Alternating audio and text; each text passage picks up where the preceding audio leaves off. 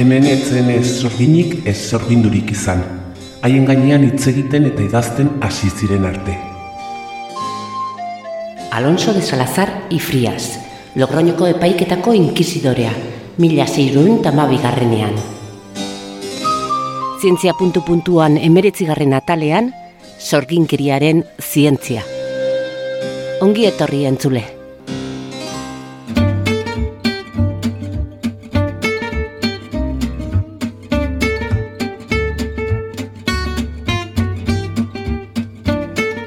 Zientzia puntu puntuan. Nafarroako Unibertsitate Publikoaren divulgazio zientifikoko podcasta. Emaio zuiaten adimenari. Sorginkeriaren atzean bada zientzia.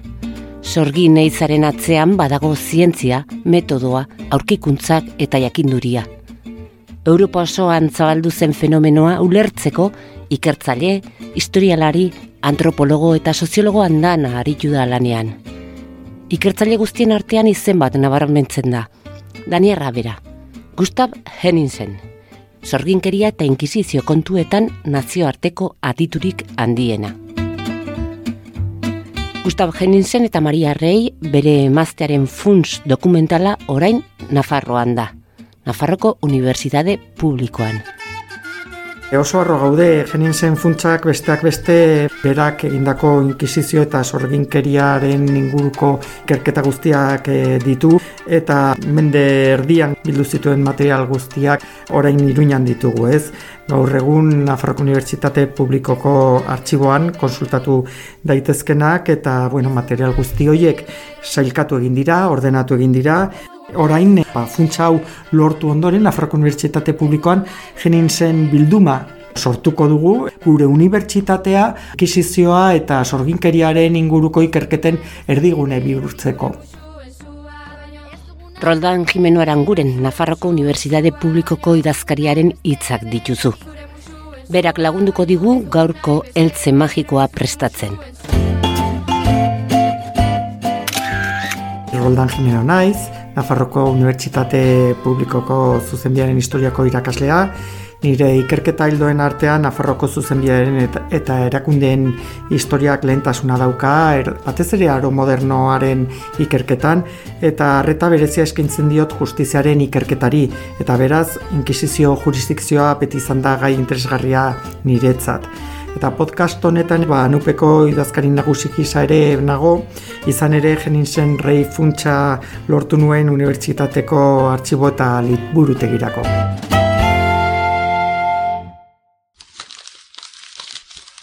Ikerlariek hor altxor bat daukate. Alde batetik, genin zenen dimensio intelektual guztia ikertzeko. Baina batez ere, sorginkerian eta inkisizioan ikerketa desberdinetan abia puntu aurki dezakete. Milaka eta milaka fotokopiak daude, ba, mundu osoko artxiboetatik lortutako fotokopiak, besteak beste adibidez e, Espainiako agiritegi nazionalekoak, baina ez dira fotokopia soilak. Berak, e, zenek, enkuadernatzen zituen, liburutxoetan, eta enkuadernazio horietan gainera bere oharrak daude ez. Orduan, gaiaren inguruan dauden mm, dokumenturik interesgarrienak dira. Altxor bat da, esan bezala. Grabazioak, argazkiak, datu baseak, eta noski, milaka dokumentu. Tartean, mila zeireun tamargarren urtean Logroñoko fede autoaren ondorioz, Salazar inkizidoreak egin zuen txosten garrantzitsura. Gerora, sorginkeriarekin bukatu zuena. Amaika mila horriko txostena da, ez? Eta oso zaila ikertzeko. Genin zenek bere bizitzaia guztia eman zuen txosten horri bueltak ematen eta bar, ez? Inkizizioa. Mila zeireun eta irrogeita emeretzigarren paper sorta. Bigarren espedientea. Etiketa horren azpian, karpeta bat. Tiketa horren azpian bizitza oso bat dago, genen zenen bizitza, ikerketa titaniko bat. Zer dago horren atzean? Paper sorta horren atzean Salazar inkisidorearen txostenaren abia puntua dugu, eta hor daukagun informazio guzti hori Nafarroan sorginkeriaren atzean egon zen epaiketa dramatiko horren ondorioz egin zen ikerketa sakona bukatu zuen sorginkeriarekin. Bai Nafarroan, Euskal Herrian, Espainiako monarkian eta azken batean mundu osoan, ez? Beraz, hori emakumearen historiarako, sorginkeriaren historiarako, Nafarroako eta Euskal Herriko historiarako, iaia izan dezakegun kapitulurik garrantzitsunetariko bat da, eta gaur egun nahiko ongi ezagutzen duguna, genin bitartez, eta abia puntua, ba, artxibo historiko nazionalean dagoen dokumentazio horretan dago, eta orain, hemen Nafarroko Unibertsitate Publikoan dokumentazio horren kopia daukaguna. Inkisizioak sua piztu eta inkisizioak berak sua itzali zientziaren izenean. Sorginkeriarekin bukatu zuena hain zuzen ere zientzia izan zen, ilustrazioa izan zen. Inkisitore hauek, eta batez ere Salazar inkisidoreak deskubritu zuelako irizpide zientifiko batzuekin, ba, emakume horiek ez zutela ba, batean ba, eh, rito batekin, ala bestelako formula batzuekin badibidez katu bihurtzen edo eta erraz baten gainean igotzen eta eta tximiniatik ateatzen eta kelarre batera joaten eta bar, ez? Hori ezin eskoa zela, ez? Orduan arrazoiak azken batean ilustrazioaren zientziak lortu zuen guztionekin bukatzea, ez? Hori da Jeninsenen eh, ikerketa hauek ekarri zuten ondoriorik garrantzitsuena, ez? Nola hain zuzen ere, ba, lehen sorginkeriak eta jende guztiak sinesten zituen gauza hauek nola ilustrazioak zientziak ba, bertan bera utzi zuten. Epidemia onirikoaz mintzo da gure aditua. Eta hala zen, azken batean jendeak nolabaiteko psikosi kolektiboan bizi zen, ez? Ez bakarrik akusatzaileak, baita umeak ere, ez? E, garaiko umeak, e, sorginak eta zirenak, ez? Eta azken batean sekulako izurritea izan zen, ez? E, ezin eskoa zen zugarramurdi bezalako ume gehienak sorginak izatea edo urdazubikoak eta bere ondorioa hori izan zen, ez? Nola baiteko izurrite edo epidemia oniriko bat antzeko gauza bat. Ez dugu nahi beste berori zure musuen zua, baina Mila zirun eta behatzi, mila zirun tamarreko sorgine izan hauesek zenbakiak mila zazpireun eta bat eh, sorgin aitorpen. Bos mila salaketa. Guztira, sei mila zazpireun lagun. Gehienak Nafarroko mendialdean. Eta kontutan hartu, amar mila lagun bizizirela guztira eskualdean. Genin zen oso historialari eta antropologo kuantitatiboa da. Berak bi gauza garrantzitsu egin zituen, alde batetik fenomeno guztionen zenbakiak atera zituen. Eta orduan zenbaki horiekin argi eta garbi ikusi zuen fenomenoaren dimentsioa. Ordu arte, bazekiten hori gertatu zela, oso garrantzitsua izan zela, baina inork ez zion horri e, kopururik jarri, ez? Eta berak ba, deskubritu zuen oso gauza kolektiboa zela, batez ere e, Euskal Herriko iparralde horretan, ez? E, bai, Nafarroako iparraldean, Gipuzkoan, eta, eta Lapurdi, Nafarroa bera eta Zuberoan, ez? Eta dimentsioaz gain, gero ere, bera ere antropologa zenez, ba, ikusi zuen ikuspegi konparatu batetik, ez? Ba, nolakoa zen ba, historia kultural hori, ez? Eta orduan, lehendabizikoz ere kokatu zuen fenomeno hau bere garaiko kulturan, ez? Ba, jende hori ba, etzela alfabetuta, euskaldun elebakarra zirela askotan, ez zutela egoera ongi ulertzen, ikuspegi juridiko batetik, ez? Testu inguru horretan kokatuta eta ikuspegi kultural horretatik fenomeno horrek ere hartzen du bestelako dimentsio bat.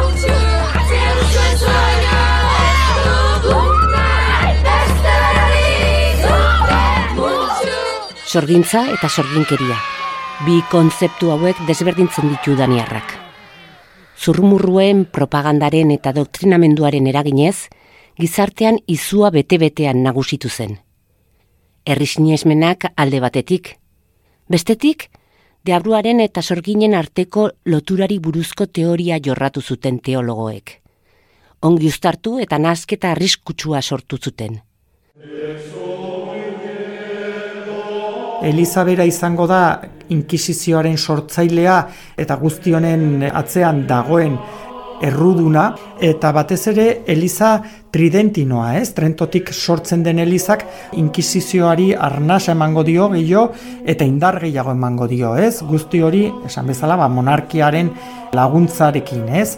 Eta bueno, ba, hori Nafarroan oso garbi ikusten dugu, baina Elizabera ere kontrakoa izan zen aldaketa hauetarako, ez? Azkenean, bueno, mia da hogeian, ba, ediktu bat egin zuten, hain zuzen ere, gaia honen inguruan, gehiago ez hitz egiteko, baina egia esan da, bai elizak eta baita monarkia berak, inkisizioan mantendu egin zuten, kadizeko gorteak e, izan art. Baina naiz eta sorginkeria bera bukatu, hori inkisizioa eta forma horiek mantendu egin ziren? Ez Gustav Jeninseni zordioguak larre hitzaren interpretazioa.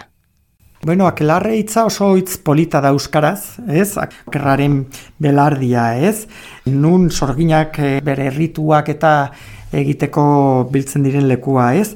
Orduan, jenin izan zen lehena, hain zuzen ere, gero beste aditu batzuk etorri dira, Mikel Azurmendi edo Ana Armengol deskubritu zutenak, justu mila seireunda bederatzean sortutako hitza izan zela, ez? E, fede auto horren testu inguruan, hori baino lehenago etzen hitz hori inun ere agertzen, ez? Eta bueno, oso bitxia da, eta mila serunda beratzeko txean amalauan sortzen den hitz horrek sekulako bidera garritasuna izan zuen nola esateko logroñoko auzitegian eta eta hortik salto egin zuen gaur egun arte ez? Eta presoek itzori berenganatu zuten noski presioekin torturekin eta bar eta eta gero ba ja hortik gizarteratu egin zen eta esan bezala ba Alvarado inkisidoreak sortu zuen ba hitz joku horrek ba gaur egun arte ailegatu zaigu, baina ez da zugarra murdi edo urdazubiko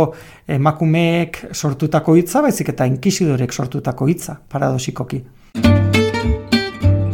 Zientzia puntu puntuan. Teoremak gozagarriz maneiatuak.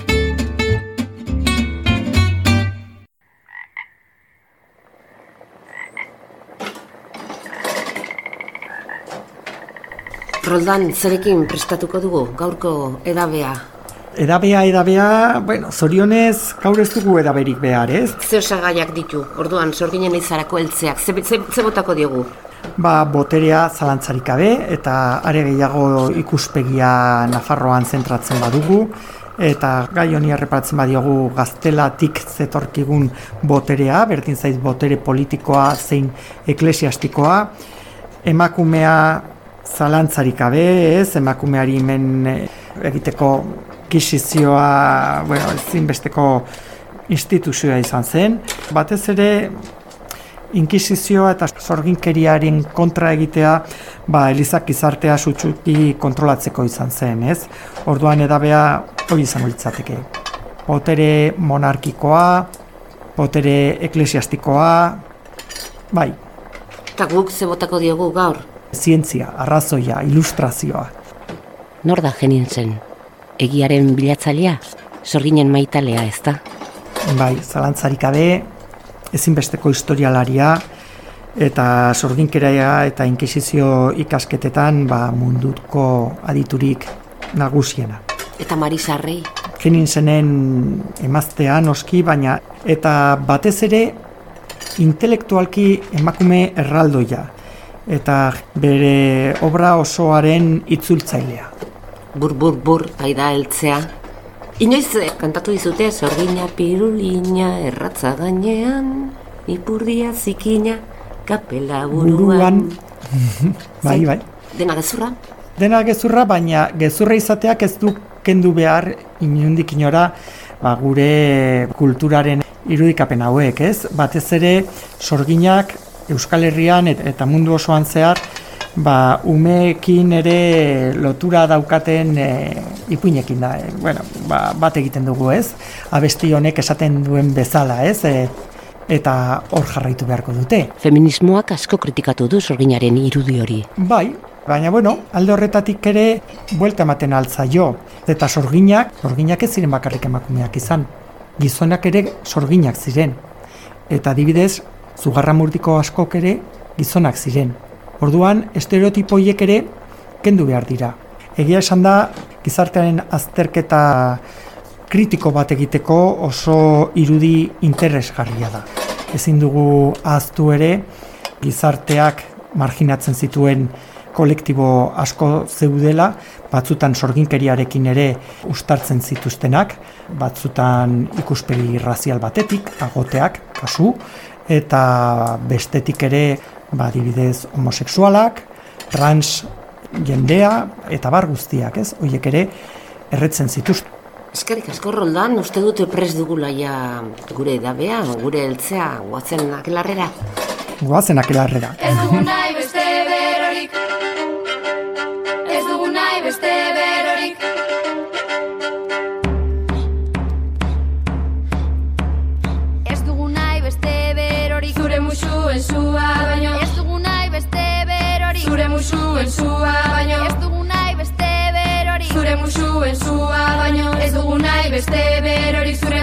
musuen zua baino Ez dugu nahi beste berorik Zure musuen zua baino Ez dugu nahi beste berorik Zure musuen zua baino Ez dugu nahi beste berorik Zure musuen zua baino